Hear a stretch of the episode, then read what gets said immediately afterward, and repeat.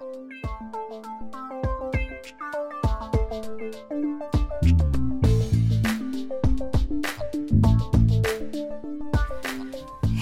och välkomna till dagens avsnitt av Sveriges IT-chefer. En podd med mig, Kim Victorin, producerad av Telavox. Idag ska det handla om ett omtalat ämne, IT-säkerhet.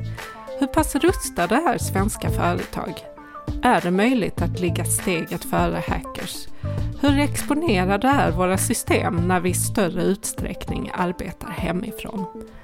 Man kan ju påstå att säkerhet på 2000-talet inte längre handlar om att bygga stängsel och murar, utan mer om att vara grym på krypteringar och tillhandahålla säkra lösenord. Med mig idag har jag Daniel Sördöv, Identity and Information Protection Specialist på Microsoft. Varmt välkommen till denna podcast Daniel, jätteroligt att du kunde vara med. Tack så jättemycket, det är kul att vara här. Skulle inte du kunna börja med att berätta lite om dig själv och din bakgrund? Du har ju mer än 20 eh, års erfarenhet av IT-branschen. Det blir alltså där deprimerande när man säger 20 år, men eh, det, det, är några år och det har hänt rätt mycket på den resan. Eh, jag jobbar som sagt på Microsoft, så det gör ju att jag har ett ganska globalt perspektiv utifrån de säkerhetsfrågorna jag jobbar med just nu. Ehm, men eh, bakgrunden är från brandväggsförsäljning en gång i tiden. Ehm, där, men det var andra frågor på den tiden. Idag så kanske inte brandväggar är det som, som är toppsäljaren inom IT-säkerhet precis.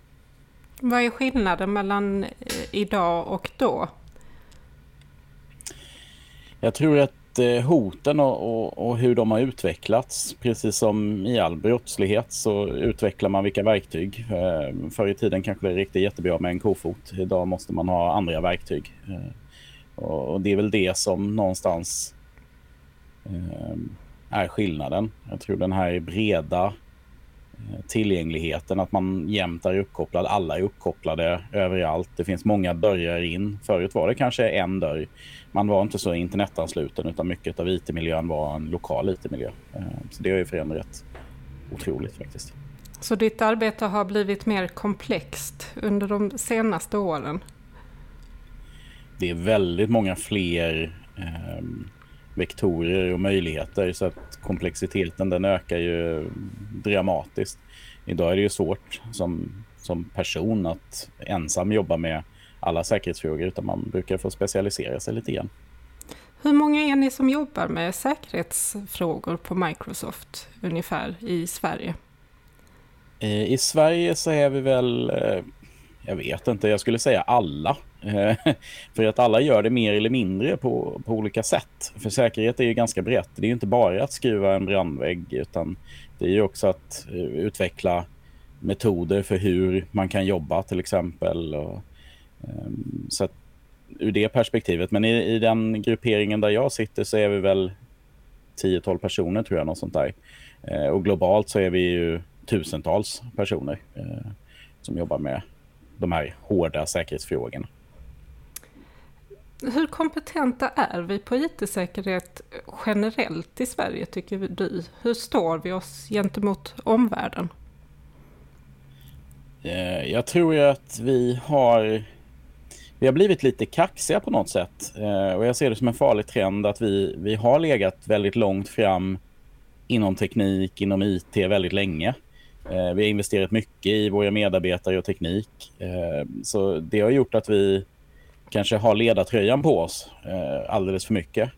Och när det kommer då till IT-säkerhet och, och, elektroniska hot så tror jag att många av ledarna i våra organisationer i, idag tänker att vi har investerat mycket i säkerhet och IT. Då är vi ju naturligtvis eh, säkra. Jag tror också kanske att en småföretagarmiljö som Sverige är i, i stort och mycket kanske inte har varit primära mål tidigare. Eh, och där ser man ju en förändring idag. Eh, jag brukar prata om någonting som jag kallar hemlarmseffekten. Eh, om du tänker dig ett eh, villaområde. Och om ingen har larm, ja då går ju naturligtvis tjuvarna på det hus som ser ut att ha lättast att ta sig in i på något sätt och där det finns de största värdesakerna. Eh, när några börjar skaffa larm, ja då kommer de husen att vara de man undviker att bryta sig in i, för man vill ju inte utlösa larmet. Eh, och då kanske man attackerar de som är lite, vad ska vi kalla det, lågvärdesmålen eller de som inte ännu har larm. Problemet blir ju när alla sen skaffar larm. Vem attackerar man då? Jo, men då, då är vi tillbaka på ruta ett egentligen. Då är det lika svårt. Den här tröskeleffekten. Eh, och jag tror att IT generellt i Sverige tror att vi har en högre tröskel än vad vi faktiskt har. För alla har skaffat hemlime idag. Eh, så vi var först och vi är inte först längre tror jag. Så vi är alltså lite naiva i, i Sverige? Jag tror definitivt vi är naiva. Om vi går tillbaka till det här med småföretagare. Enligt en studie av Small Business Committee eh, så är, riktas hela 71 procent av cyberattackerna mot småföretag. Varför är det så? Vad är det hackersen vill åt? Jag tror det handlar ju om, om tröskeleffekterna och hur svårt det är eh, till exempel att komma åt den information man vill ha. Eh, och hur svårt det är för den som ska skydda att skydda det. Eh, tittar man på ett småföretag så kanske det är svårt med både kompetens och de verktyg som behövs. Eh, för det är ju en overheadkostnad. Man ofta kanske man tänker att man behöver anställa en analytiker som kan jobba med avancerade verktyg. Lite grann som i en dålig amerikansk actionfilm sådär att man sitter framför något stort kontrollbord och så ser man Eh, breach eh, med stora röda bokstäver blinkande någonstans. Eh, och jag tror att det gör att man kanske inte riktigt eh, vågar ta steget ut. Man är hellre lite omedveten om det här. Eh, men ofta är det ju faktiskt väldigt mycket enklare sätt eh, som ska till. Eh, man kanske fokuserar på fel frågor. Eh, man fokuserar på samma saker som exempelvis våra myndigheter gör. Eh, och det tror jag är jättefarligt för ett litet företag att göra. Därför att då kanske man skyddar mot fiender som man inte har. Därför att man tittar på vilka hot någon annan har. Vad kan det vara för Som, hot? Ja, men jag tänker på, eh, tittar man på inom eh, totalförsvar och, och myndigheter, ja men där har man ju utländsk underrättelseinhämtning som man skyddar sig mot. Eh, men om vi har en eh, korvtillverkare eller något annat så kanske det är viktigare att skydda kundlista och bokföring än att skydda sig mot Donald Trump. Om, om man ska uttrycka sig lite klumpigt. Eh. Det låter väldigt logiskt.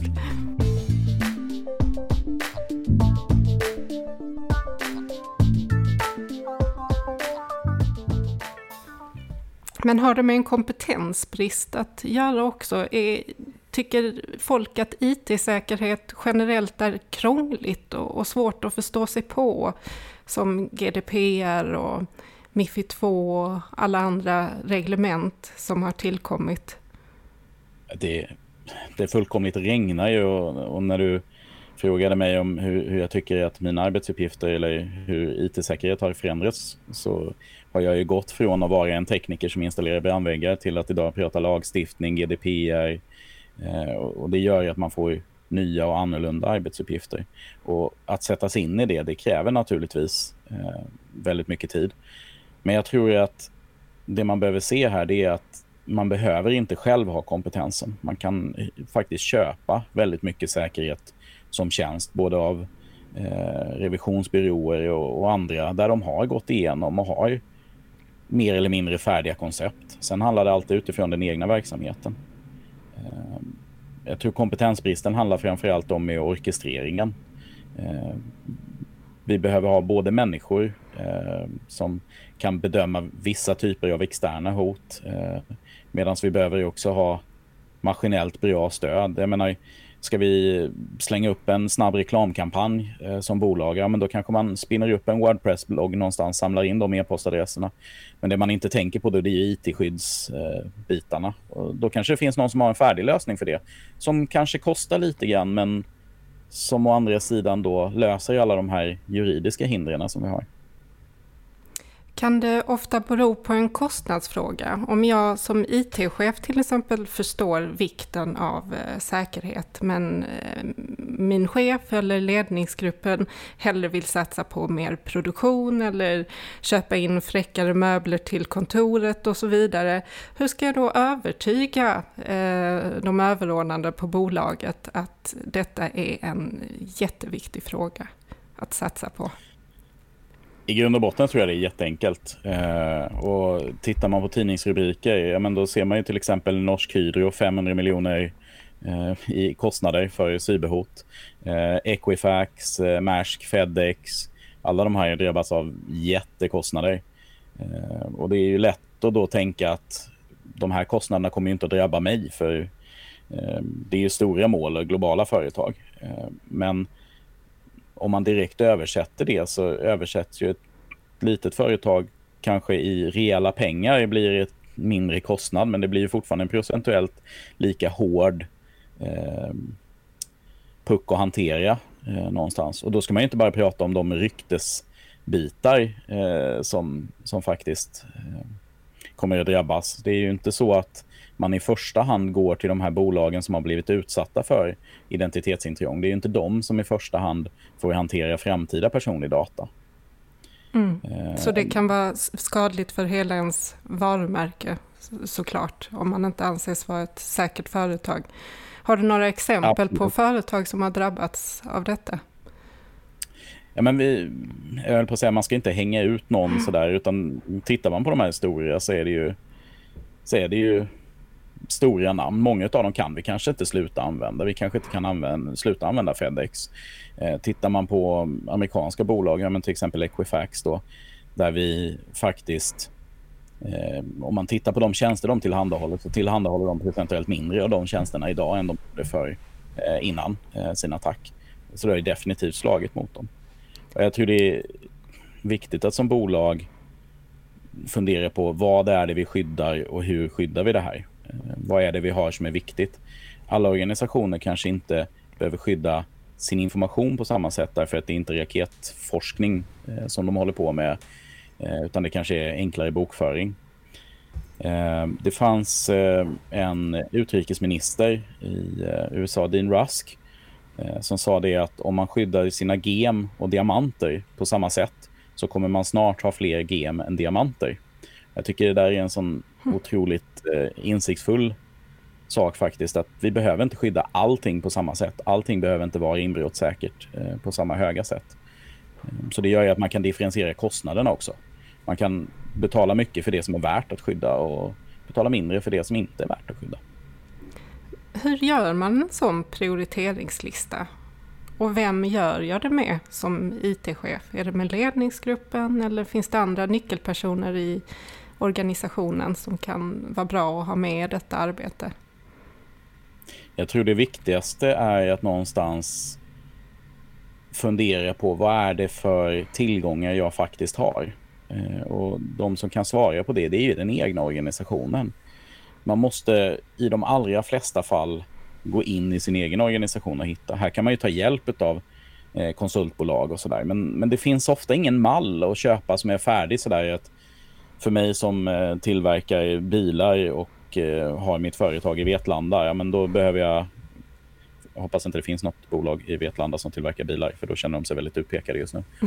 Eh, men om det skulle finnas det, det, det, finns ingen färdig mall. Det beror på vad, vad är yrkeshemligheten i deras bil eller eh, så vidare. Så att man behöver verkligen gå in och titta på sin egen verksamhet och, och då kanske göra det lite grann med foliehattsperspektiv.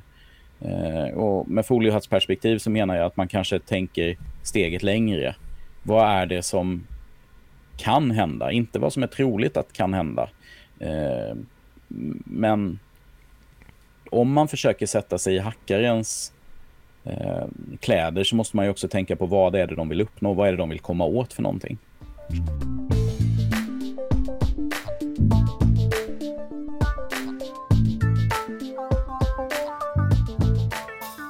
Om vi går över från eh, mindre och medelstora stora bolag till, eh, eh, till Enterprise-bolag så har det ju skett en del allvarliga händelser i Sverige där IT-säkerheten verkligen har fallerat som med Transportstyrelsen och Gunnesboläckan där hemliga uppgifter gällande riksdagen och till exempel banker läckt ut. Hur har detta kunnat ske? Hur, varför har det brustit så mycket i, i dessa stora organisationer? Jag tror inte det är organisationens storlek, utan jag tror att det, det är hur vi förhåller oss och den naivitet som vi pratade om tidigare som, som styr rätt mycket. Faktum är att Sverige per capita, om man slår ut det på det sättet, är det land i världen som är oftast utsatta för cyberattacker. Eh, och det beror ju egentligen på att vi överskattar vår förmåga till skydd och underskattar vår förmåga till, eh, eller underskattar värdet av det vi har. Vi, vi ser alltså inte vår information i det större perspektivet. Eh, typ exempel är ju där man kanske har en databas där man lagrar halva kreditkortsnumret i en databas och andra halvan i en annan. Så lägger man dem på två olika ställen. Men om någon stjäler båda, då har man ju fortfarande exponerat hela numret. Eh, bara för att försöka visualisera det. Mm. Eh, så jag tror ofta handlar det om att man cutting corners, eh, tar lite genvägar där man kanske inte borde göra det. Och sen tror jag det handlar i, i slutändan om de stora organisationerna. Där pratar man ofta om att man kanske är medveten om att man gör fel idag. Och då är man så mån om att inte göra fel i framtiden att man letar efter en lösning som inte har några fel. Och det vill säga att man gör egentligen ingenting förrän man hittar den där perfekta lösningen. Och jag tror alla som jobbar med IT-säkerhet vet att det finns ingen perfekt lösning. Det betyder att man jagar någonting som man aldrig kommer att uppnå. Eh, och egentligen borde vi ju ställa oss frågan, hur kan vi göra mindre fel? Eh, för då kommer vi hela tiden att minimera och flytta oss mot mindre och mindre fel, mindre och mindre marginaler. Istället för att försöka hitta den heliga graalen som, som inte finns. Så du menar att man ska förbättra sin befintliga lösning istället för att hitta en helt ny och perfekt lösning? Jag tror, det finns naturligtvis inget komplett svar, men jag tror man ska hitta en lösning som för en i rätt riktning hela tiden. Och oftast är det små rörelser man behöver göra, eh, för de kan man göra snabbare. För att göra de här stora helhetsgreppen, då kommer det ta väldigt lång tid att ta sig i mål. Eh, och då är vi exponerade under hela den tiden. Så att om man flyttar bit efter bit så kommer ju till sist hela pusslet att vara lagt. Det känns ju som att hackers alltid är ett steg före. Hur kan man liksom proaktivt motarbeta det som företag? Men det gör de. De ligger ju alltid eh, före och det kommer de nog alltid att göra. Och det beror ju på att en attack den föregås ju av rekognosering. De tittar på hur de ska attackera, eh, vilka sårbarheter de ska nyttja, när attacken ska ske.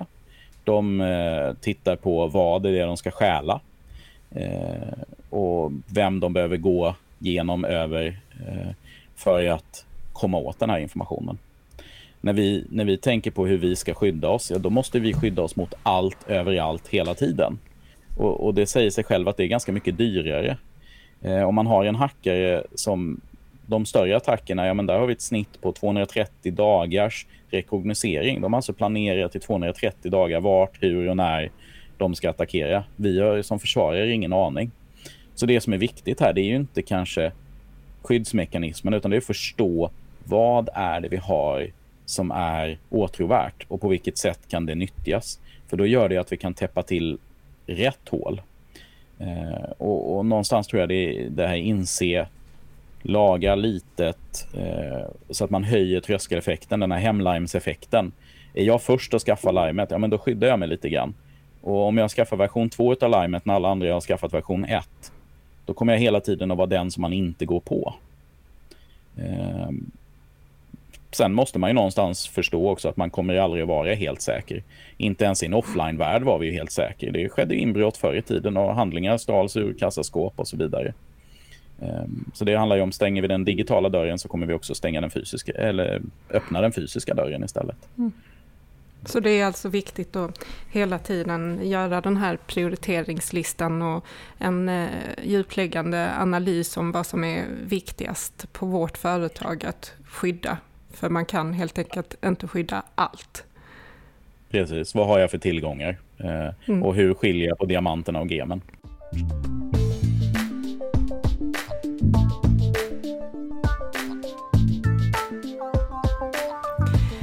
Nu har vi ju under det senaste året nästan jobbat i större utsträckning på distans och hemifrån.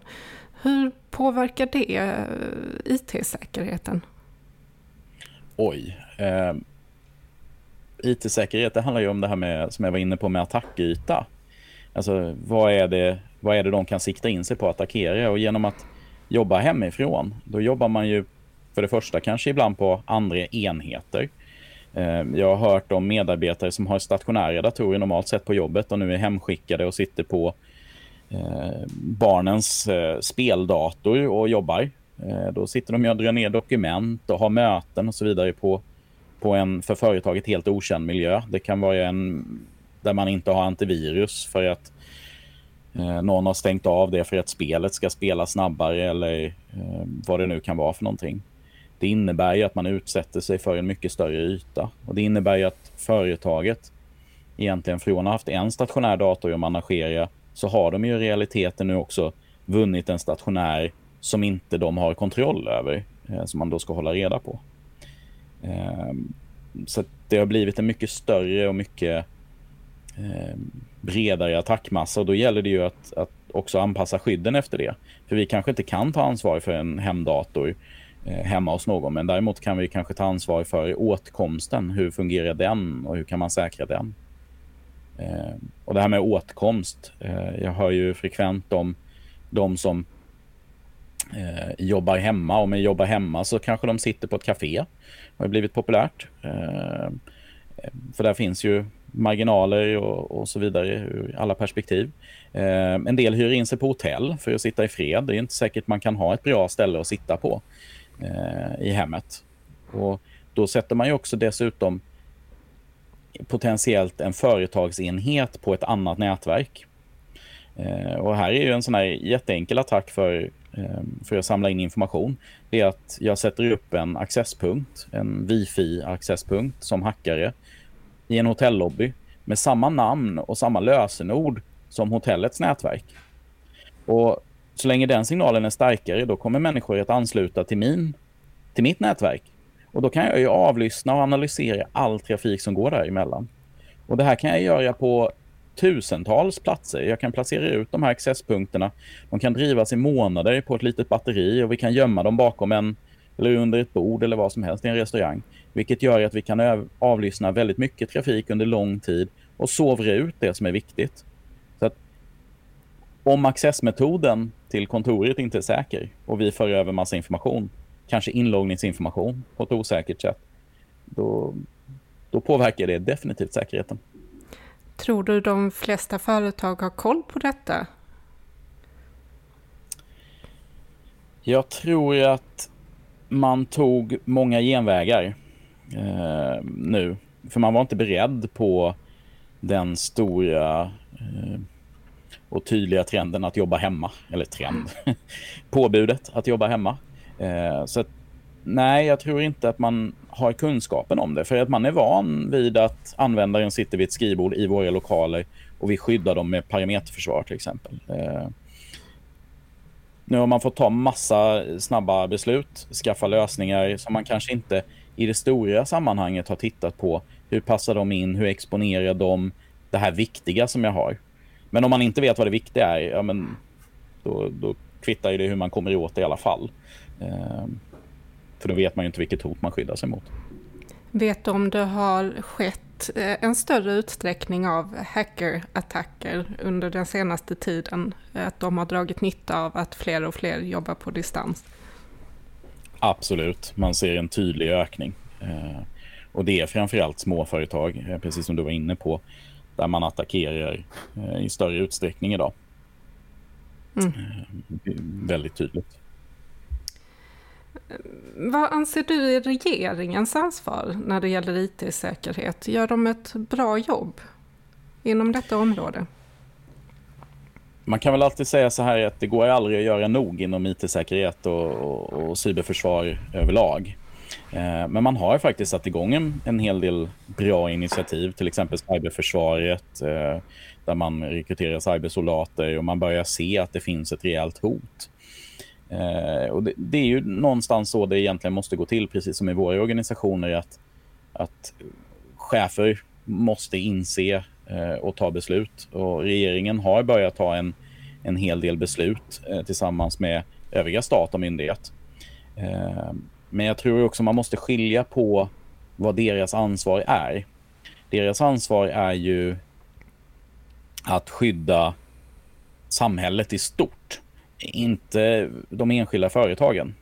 Eh, det är ju inte så att eh, det kommer någon och sätter ett lås och en säkerhetsdörr på min fysiska fastighet. Eh, och på samma sätt så, så ska man inte lita på att regeringen skyddar den enskilda verksamheten på det sättet. De skyddar samhället i stort.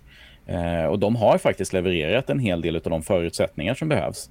Eh, till exempel genom eh, säkra e-legitimationer som gör det möjligt för oss att identifiera och fastställa identiteten på den som loggar in.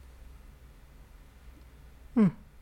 Jag har också hört rykten om att det ska bildas ett cybersäkerhetscentrum, precis som de har i Storbritannien. Va, vad tycker du om det? Men det är jättebra, för det lyfter upp och tydliggör eh, och, och, skapar en medvetenhet om att det faktiskt finns frågor som ska hanteras. Så att, att, att samla, en, samla en bild. Idag kanske den är ganska spridd mellan olika myndigheter som har olika delansvar i det här. Eh, och genom att göra sådana här samarbeten så, så mm, ökar man ju helt enkelt samordningseffekterna. Avslutningsvis här Daniel, skulle du kunna dela med dig av dina tre bästa säkerhetstips till alla företagare där ute? Jag tror att den absolut största, viktigaste och enklaste eh, lösningen det är eh, multifaktor. Alltså att man inte bara har lösenord utan man har multifaktor. Eh, det kan göras till exempel med e-legitimationer som Freja eh, eller det kan göras med applikationer som eh, Microsoft Authenticator. Eh, man ska eh, försöka undvika sms, eh, men det beror också på vem man är. Eh, hellre multifaktor med sms än ingenting. Eh, man ska definitivt undvika multifaktor med e-post eftersom den här verifieringskoden som skickas på e-post, om den, den skickas ju till en mailbox eh, som normalt sett förmodligen är komprimerad eh, eftersom de har gjort sin research innan. Eh, det är alltså lättare för någon att komma åt den där engångskoden. Så just att ha multifaktor, för det stoppar ju andra typer av attacker, även om någon skulle komma åt det lösenord man använder genom en lösenordsläcka till exempel, eller att man har eh, har använt samma lösenord på två ställen, vilket naturligtvis ingen gör. Eh, men om, om de skulle ha gjort det, så med hjälp av sådana här eh, multifaktorlösningar, då stoppas ju de attackerna. Eh, och kan man så ska man ta bort lösenordet helt. Eh, ett exempel på det är Windows 10 där man kan logga in med ansiktsbiometri Eh, tillsammans med en Authenticator-app, eh, kod eller något sånt där. Och då tar man faktiskt bort lösenordet helt och hållet. Så att ens om någon skulle komma och sätta sig vid den där datorn, ja, men då finns det inget lösenord som de kan använda för att ta sig vidare in i miljön. Så multifaktor, det är, det är the one and only number one, eh, verkligen. Eh, sen som en viktig tvåa ser jag kryptering. Att man skyddar och krypterar databaser, eh, dokument med kryptering eh, på olika sätt. Eh, det förutsätter ju någonstans att den här inloggningen och autentiseringen som jag pratade om inte bara förlitar sig på enkla lösenord. Eh, för då är det ju så att den primära eh, vad man primärt är ute efter idag det är att sno identiteter. Och har man snott identiteten då kvittar det hur mycket kryptering du har på databasen om den här identiteten låser upp den krypteringen. Så att där gäller det att tänka efter lite grann hur man skyddar på det här. Eh, och det sista tipset det är att skapa spårning, loggning Eh, så att vi kan se vad som faktiskt händer i miljön. bedöma vad är normalbeteende. Eh, för då kan vi lättare hitta, se och förhindra framtida utnyttjanden. Eh, Tusen tack Daniel för dessa enormt värdefulla tips och att du tog dig tid att vara med i denna podcasten. Det uppskattar vi verkligen här på Telavox. Och så har jag en sista fråga. Vem skulle du vilja passa på att föra över stafettpinnen till och bjuda in till ett sånt här samtal? Jag tror att vi har ju pratat om hur man kan eh, framföra en, en, en säker bil. Eh, men den här bilen behöver ju också åka på någonting. En motorväg av något slag. Eh, och då kan jag inte tänka mig någon bättre person än Paf eller Patrik Fältström på Netnod att ta stafettpinnen vidare. Mm.